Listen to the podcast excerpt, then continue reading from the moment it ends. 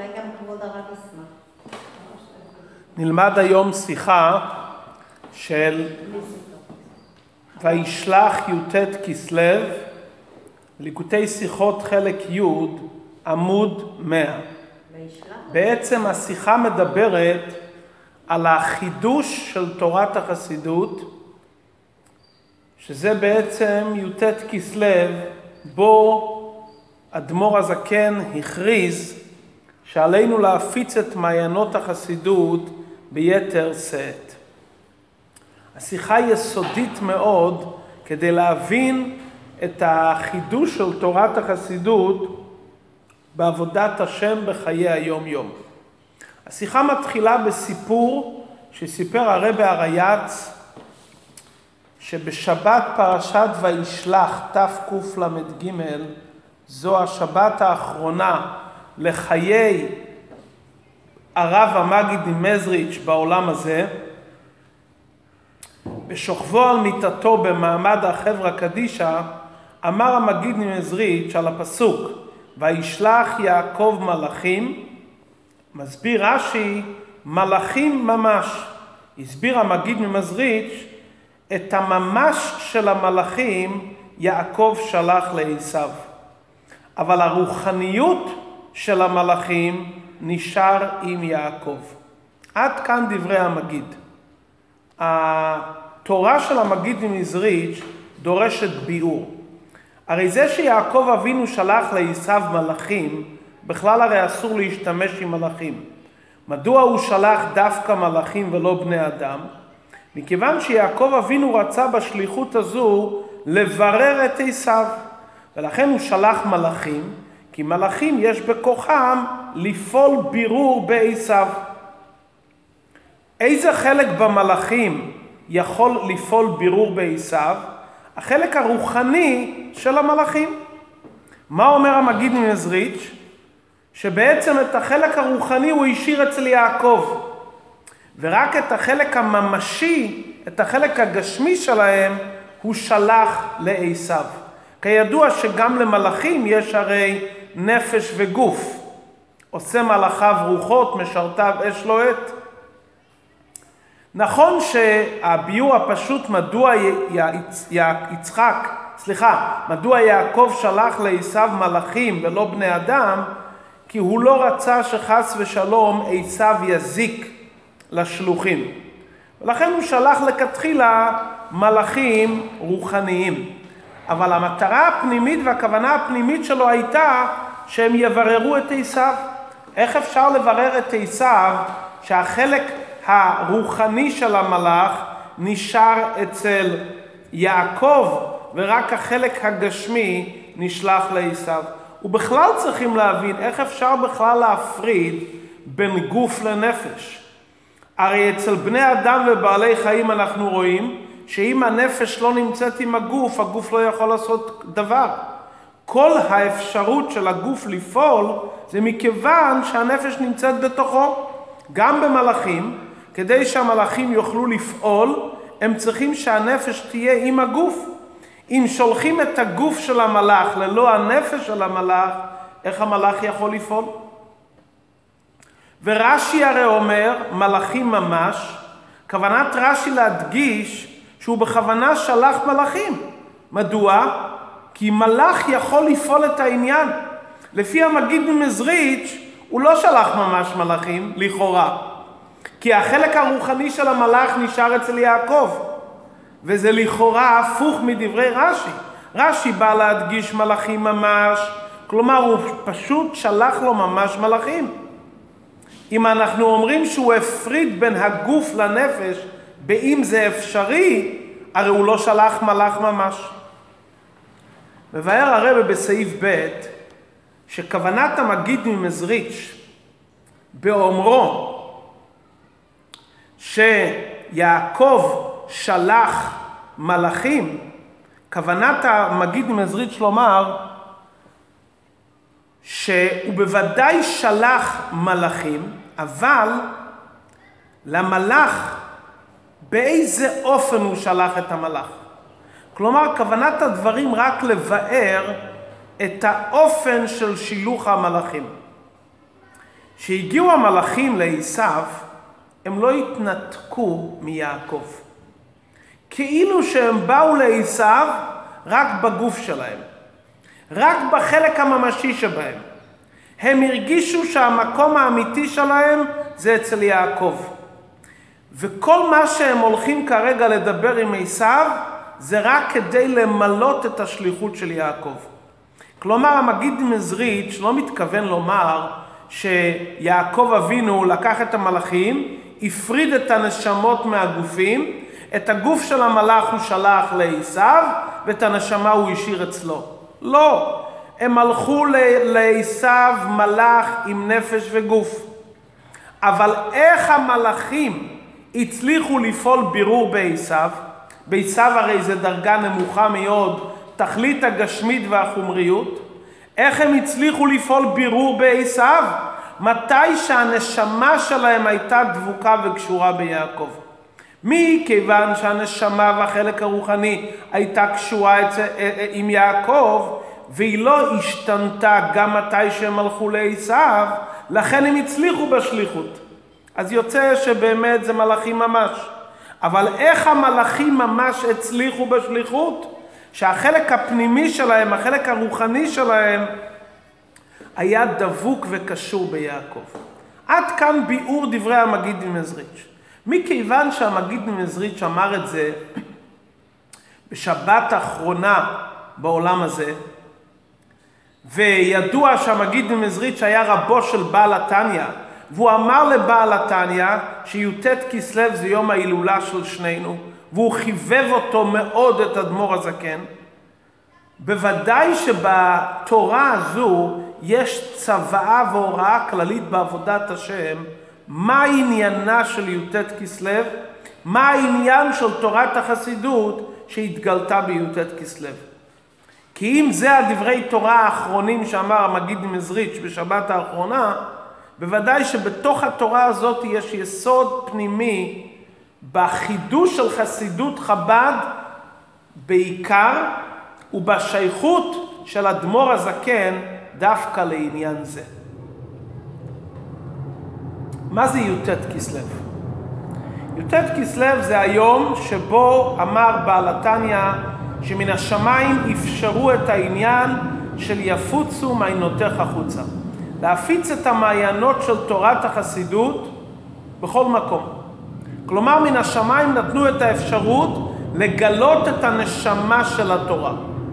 מכיוון שישראל אורייתא וקודשא בריחו כול אחד, בוודאי שי"ט כסלו פעל לא רק שיתגלה המעיינות שבתורה, החלק הפנימי, אלא י"ט כסלו גרם חידוש דוגמתו גם בעם ישראל.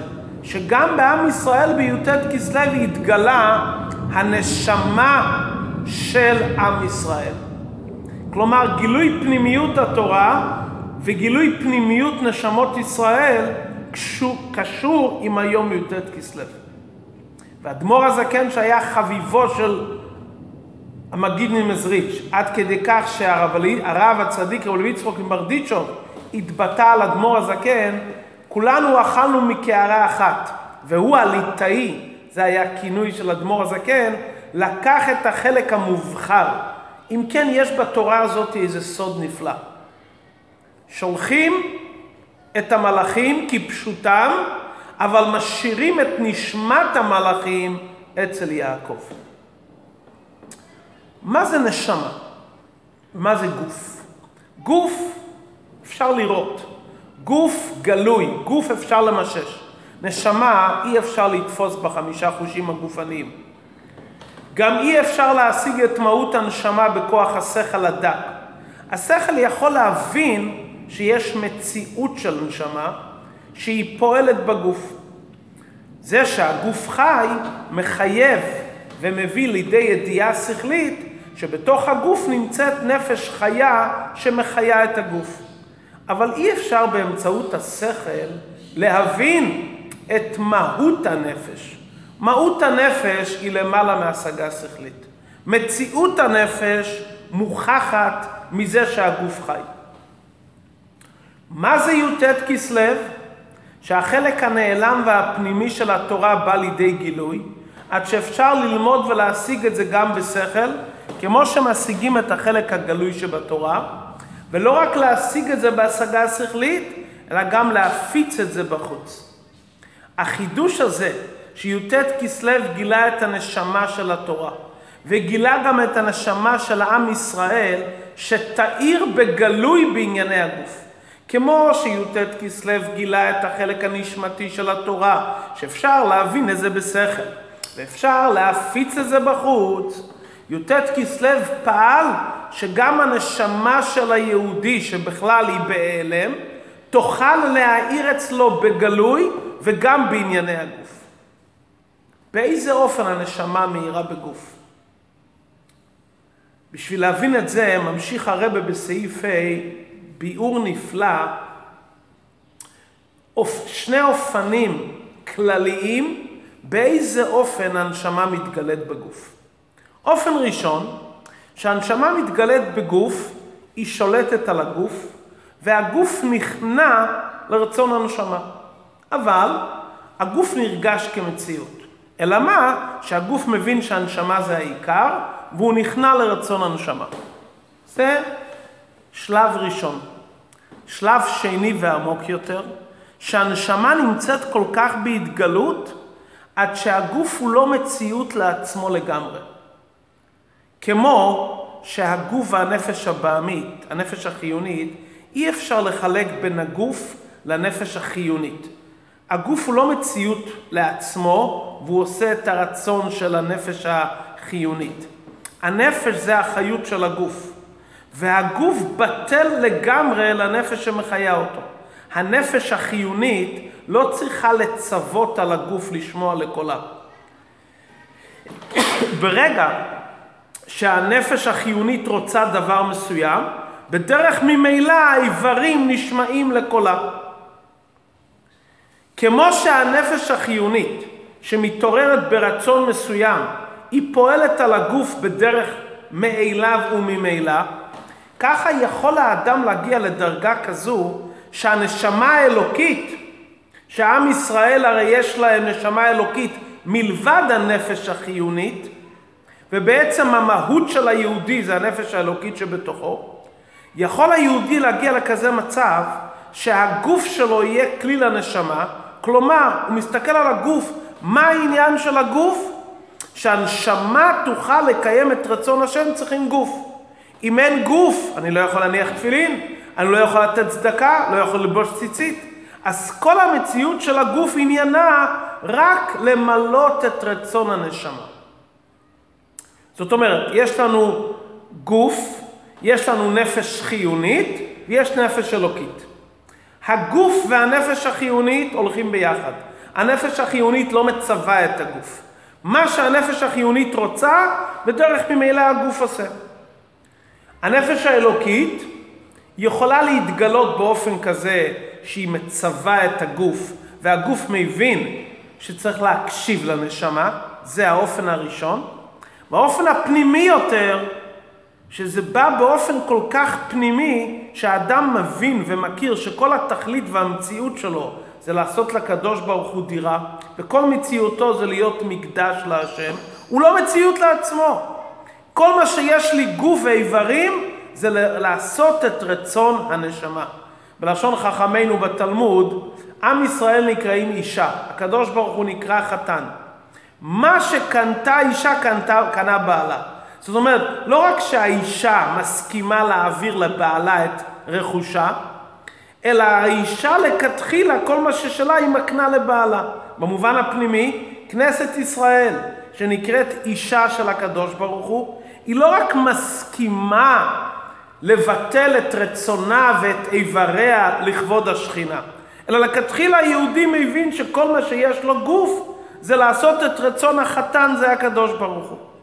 גם אם אדם לא זוכה להגיע לדרגה כזו שהוא מרגיש שהוא אישה לקדוש ברוך הוא שנקרא חתן, אבל על כל פנים הוא יכול להרגיש כמו עבד לקדוש ברוך הוא. על עבד כתוב, מה שקנה עבד קנה רבו. ועבודת עבד שייכת לכל אחד מאיתנו. למדנו בספר התניא שראשית העבודה, עיקרה ושורשה זה קבלת עול. ההלכה אומרת, מה שקנה עבד קנה רבו.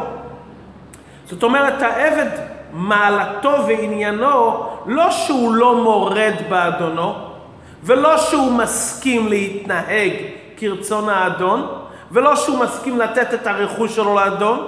ההגדרה של עבד על פי תורה, שמלכתחילה הנכסים לא שייכים לו, הנכסים שייכים לאדון. זו כבר דרגה עמוקה בעבודת השם. שהנשמה כל כך דומיננטית וכל כך גלויה אצלנו, שאנחנו מבינים שלכתחילה כל המציאות שלנו זה בשביל הקדוש ברוך הוא.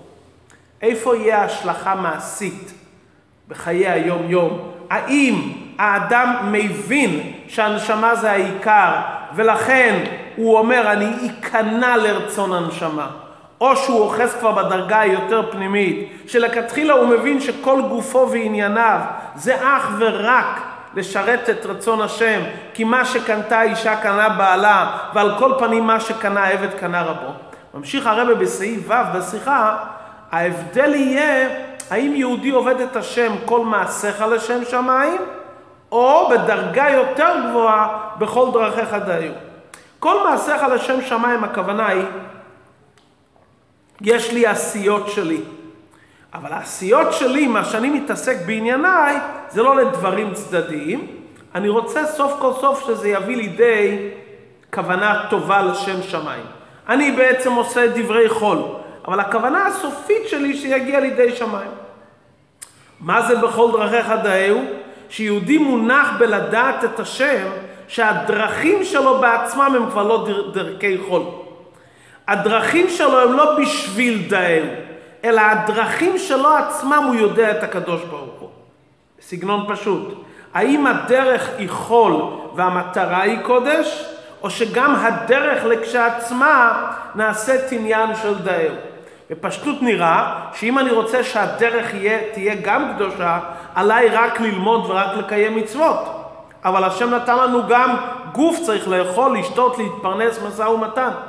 אבל יהודי שחי עם הנקודה הזאתי, שכל הגוף שלו זה בשביל לשרת את השם. גם האכילה עצמה וגם המשא ומתן נעשה קדושה ומצווה. לא רק שבכוח האכילה הוא לומד או מתפלל או עושה מצוות, אלא גם מתי שהוא אוכל הוא מרגיש בזה קדושה. דוגמה, כמו סעודת שבת. סעודת שבת זה לא רק כדי שיהיה לי כוח לעבוד את השם. סעודת שבת עצמה היא מצווה. כהנים אוכלים בבית המקדש קורבנות. זה עצמו מצווה. וככה יכול להיות שיהודי יהיה חדור בהשם, שגם הדרכים לכשעצמם יהיו דאהו. זה קשור עם הבחינות שאמרנו לעיל. אם האדם אוחז בדרגה שהנשמה שולטת על הגוף, אבל הגוף הוא מציאות בפני עצמה, מה המסקנה המעשית? יש לי דברי רשות, יש לי ענייני הגוף, אבל זה כפוף ונכנע לרצון הנשמה. אז כל מה שאני עושה, אני עושה לשם שמיים. אבל אם אדם זוכה להגיע לגילוי הנשמה בכזה אופן, שהגוף מתבטל מלהיות מציאות עצמאית, גם העבודה שלו בענייני הגוף והעולם זה יהיה בדרגה של דאהו. כי הוא מבין שאין לדבר הזה שום מציאות בפני עצמו. כל מה שיש לו זה הכל כדי לדעת את הקדוש ברוך הוא. חז"ל אומרים על יצחק אבינו, יצחק זרע דגן? הוא לא זרע דגן, הוא זרע צדקה. אבל מה פירוש? כתוב שהוא זרע, הוא זרע בשדה. אבל כל מה שהוא זרע הוא חשב לתת צדקה. אז זאת אומרת, גם מתי שהוא עבד בשדה, מה הוא ראה בשדה?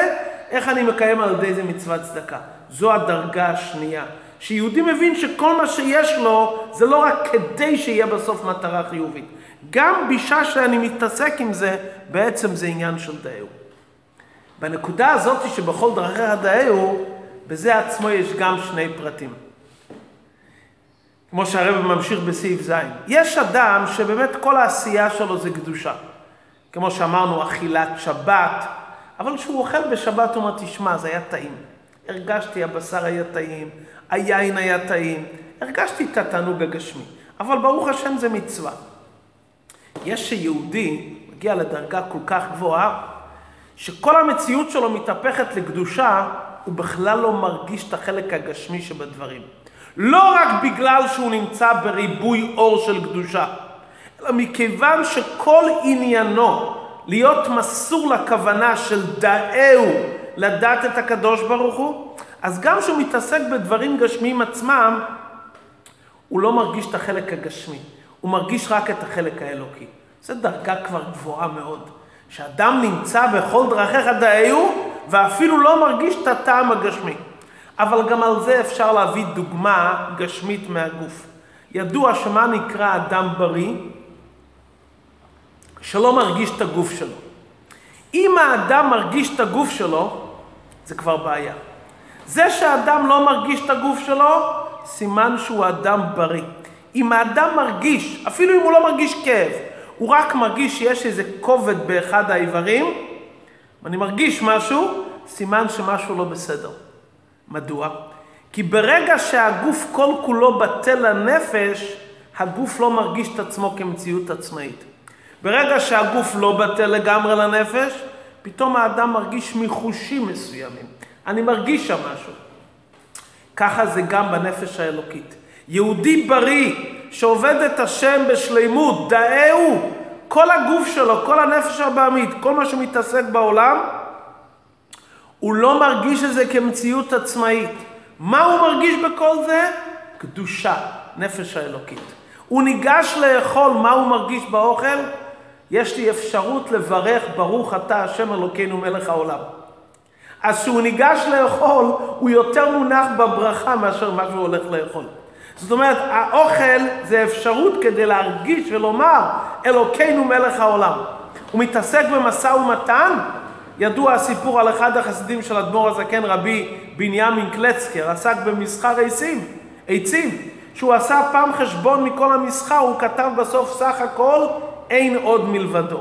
זאת אומרת, הוא היה בעסק, אבל היה נרגש אצלו שהעצים והמשא ומתן וההוצאה וההכנסה, מה זה המהות של הדברים?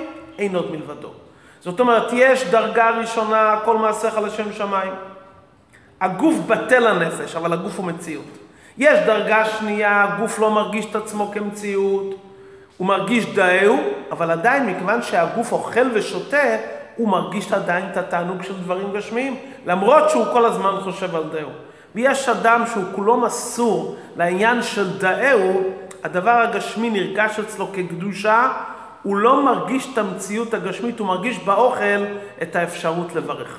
נו, זו דרגה גבוהה מאוד.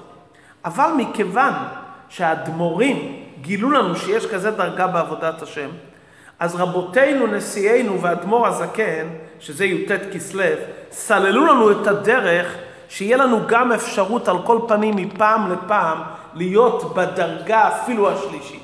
זה נשמע דרגה גבוהה מאוד. יש סיפור על אדמו"ר הזקן, שפעם נתארח אצלו איזה אורח, חשוב. ולרוב חשיבותו החליטו בני הבית לחלוק ביניהם מי יכין לו את האוכל. ועשו הגרלה. שכחו אבל דבר אחד, מי יזכה לשים מלח בתבשיל. פתאום הם נזכרו ששכחו מי ישים מלח בתבשיל, אז כל אחד רצה לזכות לשים מלח. כולם שמו מלח מבלי לספר אחד לשני. שהביאו את התבשיל לפני אדמו"ר הזקן והאורח, אדמו"ר הזקן אכל את זה כרגיל. האורח טעם, היה שם כנראה כמות מלח גבוהה, גדולה מאוד, סילק את זה לצד. שואל אדמו"ר הזקן את האורח, למה אתה לא אוכל את המאכל? אומר לו האורח, זה מלוח מאוד, אי אפשר לאכול. ענה לו אדמו"ר הזקן, שהייתי במזריץ', אצל רבי המגיד מזריץ', פעלתי על עצמי שאני לא ארגיש טעם במאכל. אז הוא אכל ולא ידע שיש יותר מדי מלח. זה סיפור על אדמו"ר הזקן. מה הסיפור הזה שייך אלינו? אומר הרבה, אם הסיפור הגיע אלינו, בזמנים מיוחדים, במצב מיוחד, כל אחד יכול להיות מעין זה וגם באיש פשוט. איך אפשר להגיע לדבר כזה? מה, שאני לא ארגיש את הגשמיות? מה, אנחנו שייכים לכזו דרגה? מתי שאדם טרוד בעבודה של דאהו, הוא יכול לא להרגיש את הגשמיות. אנחנו רואים שאם אדם נמצא במצב של התרגשות עצומה, הוא לא מרגיש טעם המאכל. אם אדם מתרגש עם משהו, שואל אותו, מה אכלת היום? לא זוכר מה שאכלתי היום. זה היה טעים? זה לא היה טעים? הוא היה עסוק באיזה משהו, הוא לא זוכר. אדם נמצא בהתעסקות בחתונת ביתו, הוא עסוק באיזה עניין, הוא טרוד כל כלום, באמצע הוא אוכל משהו, הוא לא זוכר אפילו בדיוק מה הוא אכל, ובוודאי שהוא לא יכול לחוות דעה בדיוק מה היה באוכל. נדרש מאיתנו על כל פנים שלעיתים מזומנים, שנהיה שקועים כל כך ברצון השם, שלא נרגיש קצת מה שקורה בעולם הזה. הנקודה הזאת, ממשיך הרבה בסעיף ט', זה החידוש של יפוצו מעיינותיך החוצה. להביא את מעיינות החסידות לחוץ. לא רק שהמעיין יהיה במקומו ויגיע לחוץ, אלא להביא את המעיין לחוץ. דבר שני, שמביאים את המעיין לחוץ, שזה יהיה יפוצו. שזה יתפשט בכל מקום ומקום. אם יש מקום שמעיינות החסידות לא הגיעו, סימן שההתפשטות היא מוגבלת וזה לא יפוצו. מה זה אומר עלינו בעבודת השם? מה זה המעיין שבתוכנו? הנשמה האלוקית, שעליה אומרים נשמה טהורה. המעיין של הנשמה צריך להיות בגלוי, להתפשט בכל מקום, וגם בעניינים הגופניים שבתוכנו, שמחוץ לתחום הנשמה, צריכים להביא את הנשמה שתהיה שם בגלוי. יפוצו מעיינותיך החוצה. לא רק שהנשמה תשלוט על הגוף, אלא שהנשמה תהיה בכל האיברים. לא רק שהעבודה תהיה כל מעשיך לשם שמיים, זאת אומרת המעיין נמצא במקום מסוים ואני מביא את החוץ על המעיין, אלא שהנשמה תתפשט בכל האיברים ובאופן של בכל דרכיך דאהו, שהיא תגיע באופן בלתי מוגבל, זה יפוצו. שלא יישאר מקום בתוכנו להרגש אישי של הגוף, כי הנשמה תהיה כל כך משמעותית והיא תתפשט בכל ענייננו ואיברינו שלא נרגיש מציאות עצמית שלנו. עכשיו אנחנו נבין מה היה התורה שאמר מגיד ממזריץ' ואיך זה קשור עם י"ט כסלו. הנשמה ירדה לעולם לברר את הגוף ואת החלק בעולם, לעשות דירה בתחתונים. זה בעצם וישלח יעקב מלאכים אל עשיו. עשיו מבטא העולם. יעקב זה הנשמה. הנשמה יורדת כאן לעולם לברר את הגוף הנפש הבעמית, לברר את העשיו. איך האדם יצליח לברר את העשיו שבתוכו את הנפש הבעמית? הוא צריך לעורר את המלאכים שבתוכו. מי זה המלאכים שבתוכו? הנשמה הרוחנית. בכוח הנשמה שהיא בבחינת מלאכים, ויותר ממלאכים, הנשמה, היא יכולה לברר את הגוף הנפש הבעמית. היות והאדם צריך לעשות את הדברים לשם שמיים, אז הנשמה צריכה לפעול על הגוף. אבל המטרה היא שהנשמה לא רק תשלוט על הגוף, המטרה היא שהגוף יתחבר לנשמה לחלוטין. אומר המגיד ממזריץ', תדע שמתי שהנשמה מתעסקת בענייני העולם הזה, היא צריכה לדעת להיות בתל... קשורה לשורשה ומקורה. זאת אומרת, המדרגה הכי גבוהה שבנשמה, המעיין שבנשמה, זה נשאר במקומו הוא. ואני שולח כאן לברר את הגוף, את אותם חלקים שקשורים עם בירור הגוף. כמה שאני אהיה יותר מחובר לשורש נשמתי, שהיא נשארת למעלה, היא בחינת יעקב, דווקא אז אני אצליח לעשות את השליחות. כלומר, יש לי שליחות לברר את עשיו. כמה שהגוף וכמה שאותם חלקים בנשמה שמתעסקים בבירור הגוף יהיו קשורים לעצם הנשמה שנשארת כל הזמן אצל יעקב, כמה שאני אהיה יותר קשור לשורשי ומקורי, אז אני אצליח בחלק הממשי שלי לעשות את השליחות. זאת אומרת, לא לנתק בין עצם הנשמה למהות הנשמה לאותם חלקים שצריכים לברר את הגוף. יש כוחות הנשמה, שזה הנרן, שמתעסקים בעניינים גשמיים, אבל כמה שהחיה יחידה תאיר יותר, וכמה שהנרן, החלק הגלוי, יהיה יותר קשור עם החלק הפנימי, אני אצליח בעניין הזה. זה בא בכוח החסידות, והחסידות נותנת לנו את האפשרות להיות מחוברים עם עצם הנשמה, ויחד עם זה לפעול את בירור העולם. לפעול את בירור העולם באופן שלם, זה תלוי עד כמה שתהיה קשור עם עצם נשמתך. זה יפוצו מעיינותיך החוצה בחיים האישיים שלנו, להביא את המעיין לגוף, לנפש הבעמית, לעשיו שבתוכנו, וגם שהאדמו"רים שולחים שלוחים למקומות שונים להפיץ ולגלות את מעיינות החסידות, השליח צריך לעשות את השליחות שלו, לא לצאת ידי חובה. הוא צריך לעשות את השליחות בכל נימי נשמתו, אבל הוא צריך להיזהר שהחוצה לא יפעול אצלו ירידה. וכדי להיות בטוח שהעולם הזה לא יפעול ירידה אצל השליח, אלא הפוך, להפוך את עולם הזה למעיין דקדושה, העצה לזה שגם מתי שהוא נמצא בחוצה, שיוקבע בליבו שכל עניינו זה למלות את כוונת המשלח. אני מתעסק בגוף בשליחות, אבל הרוחנית שלי, הרוחניות שלי קבועה ומושרשת אצל המשלח. כמה שמתי שאני מפיץ את המעיינות, אני זוכר שבעצם אני נמצא אצל עם המשלח, ושם אצל המשלח הכל ברור, הכל טהור, שם אין מציאות אחרת, שם רואים רק את החלק הרוחני. במקום שרצונו של אדם שם הוא נמצא. אם עם החלק הפנימי שלך והנשמתי תהיה אצל המשלח, תצליח בשליחות. כלומר, המקום של החוצה תלוי עד כמה אתה קשור למעיין. כמה שאתה יותר קשור למעיין ליעקב, תצליח יותר מתי שאתה נמצא בחוץ. כשיהודים פועלים ככה עם המלאכים ממש, עם עצם הנשמה, זה נותן להם את הכוח למלות את השליחות, להפוך את כל עולם הזה ואת החוצה למעיינות. וכשיהודים מגלים שגם החוצה קשור עם המעיין, ולא רק קשור, אלא כל המהות של החוצה זה ביטוי של המעיין, כל המהות של הגוף שלי זה ביטוי של הנשמה, זוכים לקיום הייעוד ועלו מושיעים בהר ציון, לשפוט את הר עשיו, להביא לכל העולם את הבשורה של והייתה להשם המלוכה.